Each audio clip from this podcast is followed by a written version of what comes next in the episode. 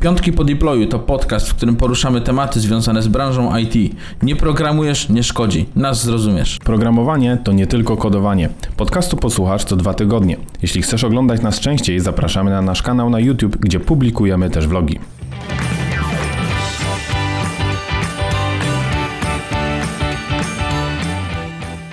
Witamy w kolejnym odcinku Piątków po deployu. W tym odcinku opowiemy o certyfikatach AWS, jak je zdobyć, jak się przygotować. A w tej rozmowie pomoże mi Andrzej Puszka, który jest software architektem w Merrick Studio. Cześć. Na pewno pamiętacie Andrzeja. Andrzej, ostatnio to my się spotkaliśmy w podcaście, jak ty byłeś DevOpsem. No, kupę czasu temu już. To tak, no, to się trochę zmieniło. No, ale na głowie się nie zmieniło za dużo. Na głowie się nie zmieniło. To prawda, to prawda. Yy, Dobrze, to ja tylko dodam, że jeżeli podoba Wam się nasz podcast, to zostawcie ocenę na platformie, na której słuchacie, a jak zasubskrybujecie, to już będzie git. Zawsze mogłem powiedzieć, że na przykład będzie HG, a nie git. Mercurial. Czemu HG? Mercurial, to skrót od Mercuriala był. Nie używałeś Andrzej Mercuriala? Nie. Nie. Okej. No dobra, porozmawiamy o certyfikatach AWS-owych. Jak się do tego egzaminu w ogóle można przygotować? Po co robić ten certyfikat? E, Jak wygląda ścieżka tych certyfikatów? E, No i jak wygląda sam egzamin? A to dlatego porozmawiam o tym Andrzej z Tobą, dlatego że Ty przechodziłeś tą całą ścieżkę. Tak, udało mi się zdobyć certyfikat em, udało się, architekta to znaczy udało akurat. się. No, jakoś zdałeś. poszło. Jakoś poszło. E, Nie było łatwo, ale, ale się udało faktycznie. Okej, dobra. To powiedz w ogóle, po co ktoś miałby robić ten certyfikat?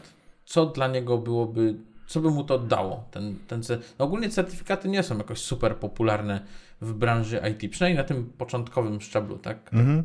Wiesz co, no ale y, jeżeli chodzi o WS-a, to oni mają bardzo dużo serwisów i em, ogarnąć to samemu jest generalnie bardzo ciężko. Taki certyfikat też daje trochę gwarancję na zewnątrz, e, że, że wiesz o co chodzi, wiesz e, co na czym stoi generalnie i jak te serwisy działają em, i, i możesz po prostu wykorzystać to też na przykład w rozmowie o pracy, e, czy, em, czy na przykład pochwalić się klientowi, więc e, idzie z tym też jakiś generalnie prestiż. Mhm. To, to ja ze swojej strony dodam tylko, że te certyfikaty przydają się jeszcze, jeżeli firma chce być partnerem AWS-owym. Tak, tak. No I to jest do jeden tego dążymy generalnie. dlaczego my też robimy te certyfikaty.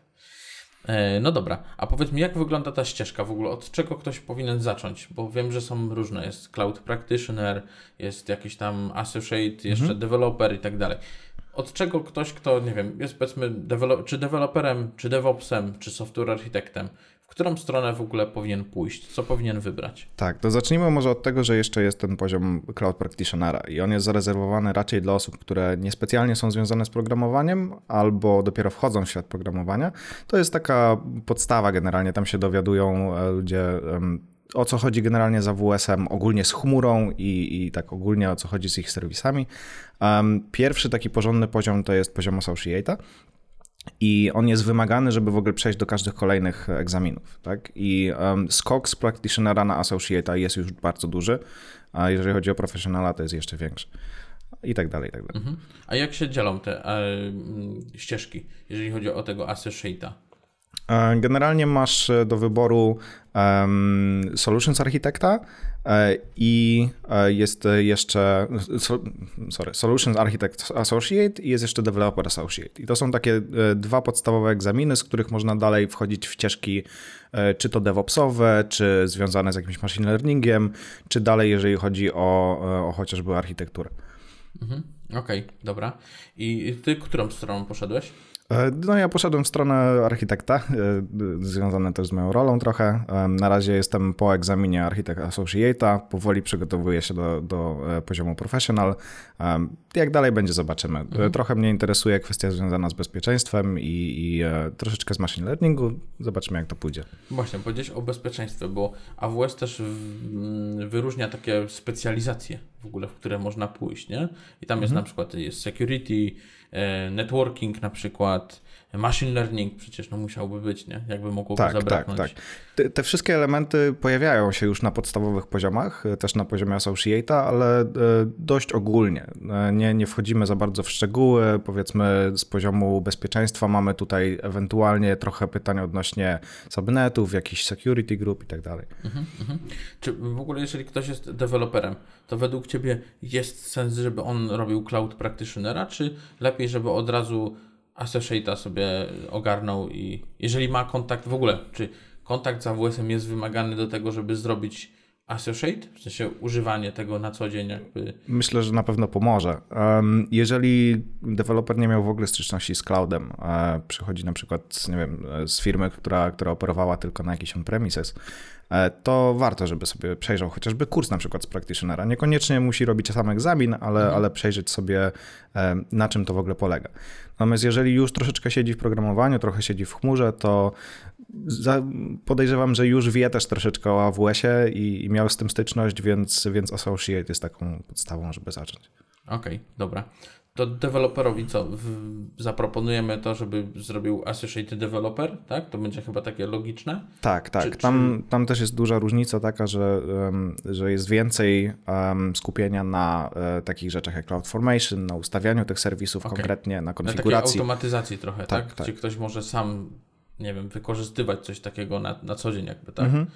Mm, a, a ten architekt to jest, rozumiem, od bardziej drugiej strony, trochę bardziej zaawansowanej, czy, czy nie? Czy one są um, raczej po, podobnym poziomem? Troch, wiesz co, troszeczkę jest zejścia na te tematy, ale bardzo, bardzo powierzchownie. Natomiast e, głównie tutaj się skupiają w tym egzaminie na tym, jak dane rozwiązanie powinno wyglądać, e, z jakich serwisów powinno się składać, tak żeby to było najefektywniejsze i najmniej kosztowne. Mhm. Więc e, tutaj typowo jest, jest nacisk na, na to, jak rozwiązanie może być zaproponowane, jeżeli chodzi o, o wykorzystanie serwisów. Mhm tak jak sobie patrzę, to na y, stronie AWS-a jest informacja, że ten associate powinniśmy robić, jeżeli mamy e, minimum rok doświadczenia w, w pracy z chmurą, z AWS-ową chmurą w ogóle, nie? Więc no, to zadałem w sumie pytanie, czy, e, czy te osoby powinny mieć tam e, doświadczenie, no to wychodzi na to, że taki to w sumie nie małe, tak? Bo... Tak, generalnie to, to na pewno się przyda i skróci też czas przygotowania do egzaminu. Mhm, mhm. Okej, okay, dobra. A powiedz mi w takim razie, jak się przygotować do tego egzaminu? Jak, z czego ty korzystałeś i jakie są jeszcze w ogóle alternatywy może? Mhm. E, generalnie oficjalnie według AWS-a mamy dostęp do, do wszelkich FAQ, do różnych serwisów, mamy cały um, dokument odnośnie tego, jakie są fundamenty związane z, z architekturą AWS-ową i tak dalej. Jeżeli chodzi o kursy, no to myśmy tutaj e, poszli w, w kursy z Cloud Guru. Bardzo fajny kurs, bardzo fajnie opowiada e, i ogólnie i schodzi też troszeczkę w szczegóły różnych serwisów, um, więc daje fajny ogląd na to, co się dzieje um, i, i, pozwala dalej rozwinąć te informacje gdzieś tam przy pomocy, przy pomocy FAQ chociażby z, z serwisów wesołych. ale to nie jest do końca wszystko. Um, akurat Guru oferuje też tam e, testowe egzaminy. Um, mhm. Natomiast e, ja miałem taką sytuację, że te kursy wydawały się jednak troszeczkę łatwiejsze niż sam egzamin. Okay.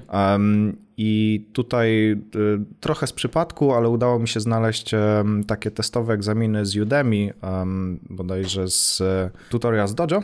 Mhm. E, I tam było pięć testowych, sześć testowych egzaminów, które były sporo trudniejsze od Account okay. Guru, ale one były świetne ze względu na to, że one pokazały dokładnie które obszary z tych serwisów okay. jeszcze troszeczkę trzeba by, by się o nich dowiedzieć i, i one w zasadzie mm, pomogły mi dużo bardziej nawet od samego kursu, powiedziałbym, jeżeli chodzi o przygotowanie do AWS. Okej, okay, czyli poznałeś wtedy dzięki temu tak naprawdę jaki rodzaj tych pytań się tam pojawia, tak? W ogóle w którą stronę oni tam zmierzają z tymi pytaniami. A w ogóle jakbyś miał powiedzieć, to jakiego rodzaju są to te pytania na przykład? Że wiesz co, e, mógłbym to podzielić na takie e, dwie grupy, powiedzmy. Mhm. Pierwsza grupa to są takie podstawowe pytania na zasadzie, żeby wiedzieć w ogóle, um, jak nazywają się dane serwisy albo do okay. czego one służą. Mhm. Um, I drugie pytania, których jest zdecydowanie więcej, to są pytania bardzo podchwytliwe generalnie. Um, to są pytania, które mają w zasadzie wiele prawidłowych odpowiedzi, mhm. ale któraś z odpowiedzi zawsze jest lepsza. I tutaj trzeba się wykazać faktycznie tą wiedzą odnośnie tego, które serwisy są bardziej efektywne, okay. albo które są e, lepsze pod względem kosztów w danej mhm. sytuacji, bo to będzie prawidłowa odpowiedź na dane pytanie. Okej, okay, czyli to nie taka łatwa sprawa, że mamy takie trzy negatywne i jeden pozytywny, bo to jest co, cztery odpowiedzi są? Um, różnie, chyba w większości są cztery odpowiedzi, no ale generalnie jest... jedna jest poprawna, czy może Nie, nie, nie. Są też wielokrotnego wyboru. Kurde, Zawsze... tego nigdy nie lubiłem. No niestety, ale zawsze na, na każdym pytaniu jest jasno oznaczone, ile tych okay. odpowiedzi jest, więc o tyle jest powiedzmy prościej. Natomiast e, nie ma tutaj takiej sytuacji, że się dostanie na przykład pół punkta za, za odpowiedź. Mhm. Jeżeli nie trafimy w, we wszystkie odpowiedzi, to mamy po prostu zero za odpowiedź. Okej, okay. dobra. Powiedziałeś o Cloud Guru. E, to jest były chyba Linux Academy, bo oni chyba tam się kiedyś połączyli, mhm. z tego co pamiętam. No i to jest płatny plan, tak? Bo to, żeby dostęp mieć do tych egzaminów, znaczy do tych testowych i egzaminów i kursu, no to tam kosztuje 47 do, dolarów na, na miesiąc. A jeszcze jest alternatywa w postaci Udemy, tak? Że tam tak. wykupimy sobie ten kurs, jak w ogóle byś to oceniał, te, te kursy tam, czy to warto byłoby w to pójść, czy nie, bo tam też chyba jest jakiś przykładowy egzamin, nie? Zależy oczywiście od kursu, którego wybierzemy. Można też na, na Udemy znaleźć kursy z Cloud Guru w zasadzie, nie wiem czy jeszcze w tej chwili, ale ja tak um, swój e, kurs właśnie wyczaiłem. Um, gdzieś na promocji z Udemy okazało się, że można to ładnie zmigrować do Cloud Guru, więc, więc w taki sposób to otrzymałem. Okay. Jeżeli chodzi o, o, inne kursy z Udemy, no niestety nie miałem styczności, ale mhm. powiedziałbym, że więcej mi dały same testowe egzaminy. Bo nawet jeżeli chodzi o ten kurs Cloud Guru, to, e, to on jest po to, żeby zaznajomić e, osoby z, z tematem bardziej. A, a te testowe egzaminy to są faktycznie, e, to, to jest to serce, które trzeba tak naprawdę dotrzeć do mhm. tego mhm. i, i dowiedzieć się co jest. W naszej rozmowie wspomniałeś o FAQ. Mhm. Co miałeś na myśli tutaj przy tym, jeżeli chodzi o usługi FAQ, i, i, mhm. które pojawiają się przy usługach? Każdy serwis AWS-a ma dość szeroką dokumentację. I oprócz informacji o tym, jak dany serwis działa i jak z niego korzystać, jest też cała lista tak zwanych pytań i odpowiedzi. W zależności od tego, jak popularny jest serwis, to może być od paru dziesięciu do nawet paru setek pytań, jeżeli chodzi o takie popularne serwisy gdzieś tam jak VPC czy, czy S3 i tak dalej. I tam w zasadzie to jest no prawie, że kompletna baza wiedzy, jeżeli chodzi mhm. o to, co się dzieje, jakie są koszty, jak e, systemy działają między sobą. E, I generalnie, jeżeli gdzieś pojawi się jakieś pytanie, na które nie znasz odpowiedzi, bardzo duża szansa jest taka, że w tych FAQ po prostu ta odpowiedź będzie, tylko trzeba poszukać. Okej, okay, dobra. Zadawałem pytanie, jak się przygotować do egzaminu, ale to powiedzmy, jeżeli chodzi o wiedzę, a jak się przygotować do egzaminu, który będziemy zdawać tak powiedzmy fizycznie, tak co musimy tam konkretnie mhm. zrobić, bo to nie jest tak, że zdajemy sobie go po prostu przez internet bez problemu i tak dalej, tylko musimy spełnić pewne wymagania.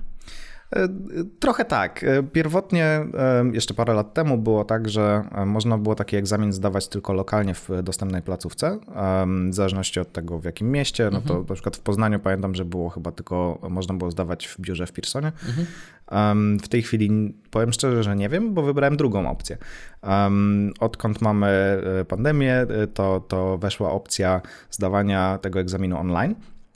No i tak naprawdę można to zrobić w zaciszu własnego domu, więc jest dużo prościej.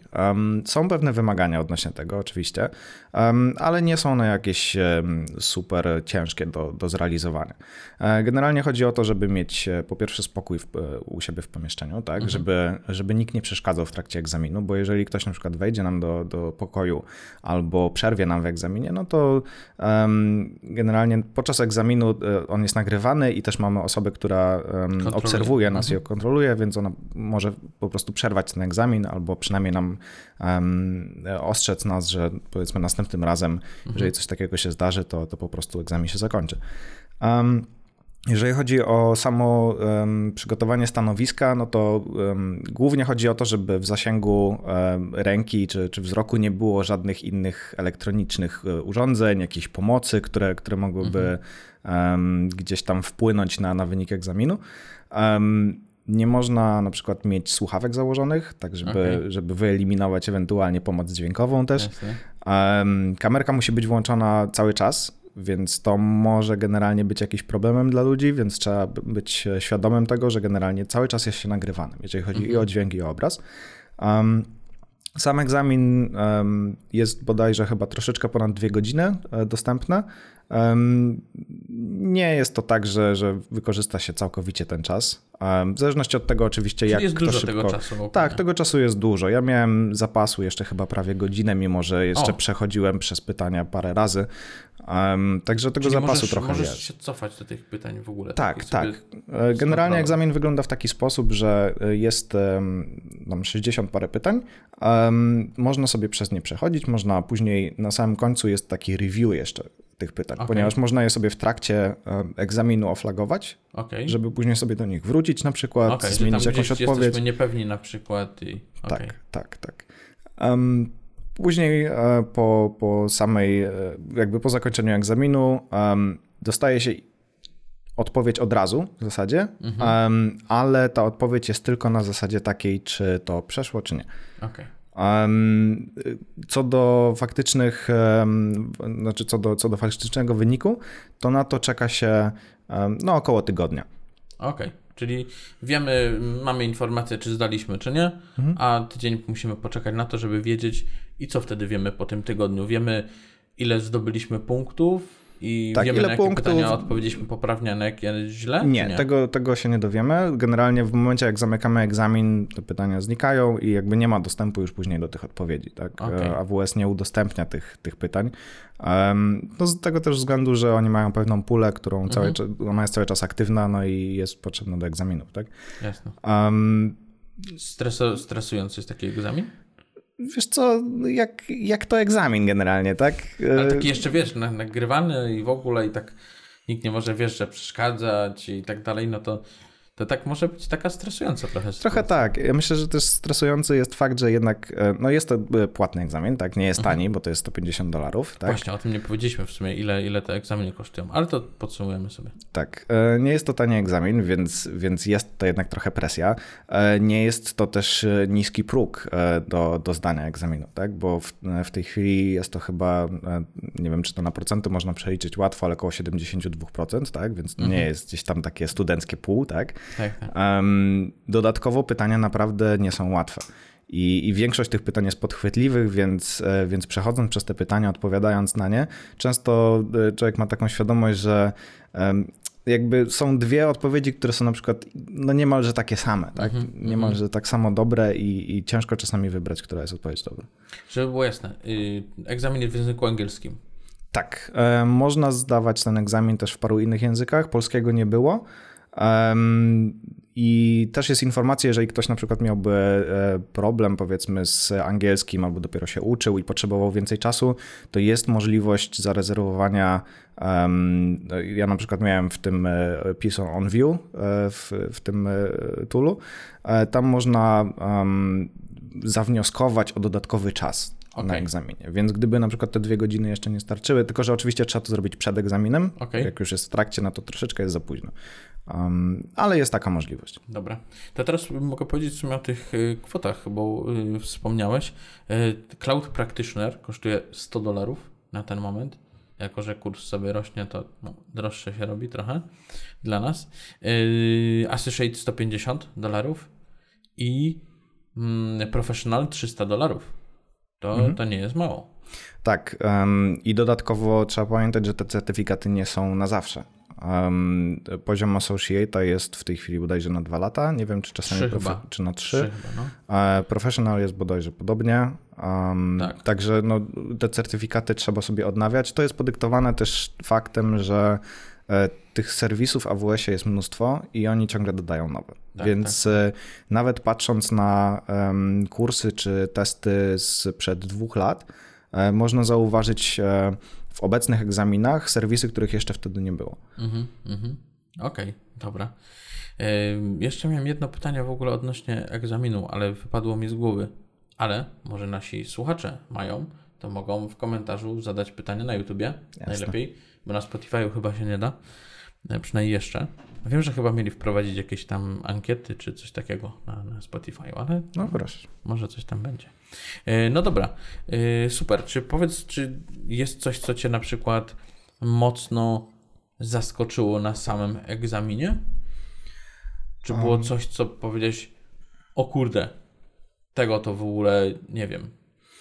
Wiesz co, dość takim ciekawym serwisem, który, na który nie zwróciłem za dużo uwagi podczas e, uczenia się, a mhm. który wyszedł w zasadzie na egzaminie, to był Snowball. To jest, to jest taki serwis, który um, służy do transferu dużej ilości danych okay. fizycznie, tak naprawdę. Mhm. Są fizyczne urządzenia udostępniane przez AWS-a. Um, tu chodziło o, um, o znalezienie dobrego rozwiązania też w odpowiednim przedziale czasowym. E, I, i no, można się zaskoczyć trochę takim, takimi szczegółami generalnie, tak? bo, mhm. bo y, są pewne, pewne serwisy, które są mniej popularne, ale one wcale nie zaznacza, że, nie, że będą ominięte na przykład na egzaminie. Mhm. Tak? Może mhm. się zdarzyć, że takie pytanie będzie i to może być nawet całkiem szczegółowe. Na przykład y, może się okazać, że, że właśnie jest ten snowball tak? I, i musisz wiedzieć, że tam jest na przykład taka informacja, że musi być ileś tam dni mhm. zarezerwowane przed tym, żeby w ogóle dostać to urządzenie. Tak? Okay. Że jeżeli na przykład potrzebujesz e, wykonać ten transfer nagle z dużą ilością danych, to na przykład to rozwiązanie nie będzie dobre. Mhm. Mimo, że, że gdyby nie było limitu czasowego, to byłoby najlepszym rozwiązaniem. Mhm, mhm. Okej. Okay. A ogólnie jak, jak byś oceniał taki egzamin? Czy on jest przydatny, jeżeli chodzi o wiedzę? Bo po takim egzaminie, czy ty czujesz, że teraz o AWS-ie, o samych usługach w ogóle, już faktycznie mógłbyś powiedzieć, że a, to mamy do tego taką usługę, do tego mamy taką, tu trzeba zwrócić na to uwagę i na tamto. E, na pewno poszerzyło mi taką wiedzę ogólną na temat tych serwisów. Mhm. E, wiadomo, że żeby gadać sobie swobodnie na temat tego, jak co się zachowuje, to warto w tym po prostu e, działać i, i na bieżąco po prostu sobie, sobie to rozkminiać. Ale tak jak mówię, poszerzyło mi to mega wiedzę, jeżeli chodzi o takie serwisy, których na co dzień nie korzystałem. I, I po prostu na temat jakichś rozwiązań alternatywnych do, do popularnych, mhm. które, które są stosowane po prostu na co dzień. Okej, okay, dobra. Super. Yy, bardzo dziękuję. Ja nic nie mogę więcej zrobić po tym podcaście, jak tylko ruszać do nauki i zdawać egzamin. Nie wiem, może mi się kiedyś uda. Będę miał czas może na to. Żeby... Może zacząć od practitionera. Mogę zacząć od practitionera. Potem pochwalę się na LinkedInie. Ja bym chciał, jakby był jakiś certyfikat z jQuery, a nie tam jakieś tam. To, to by było dobre, a nie tam. Z AWS-a tam. Z AWS-a to. Może każdy... możemy coś takiego zrobić. No, możemy zrobić. No. Ja będę wydawał certyfikaty. No dobra.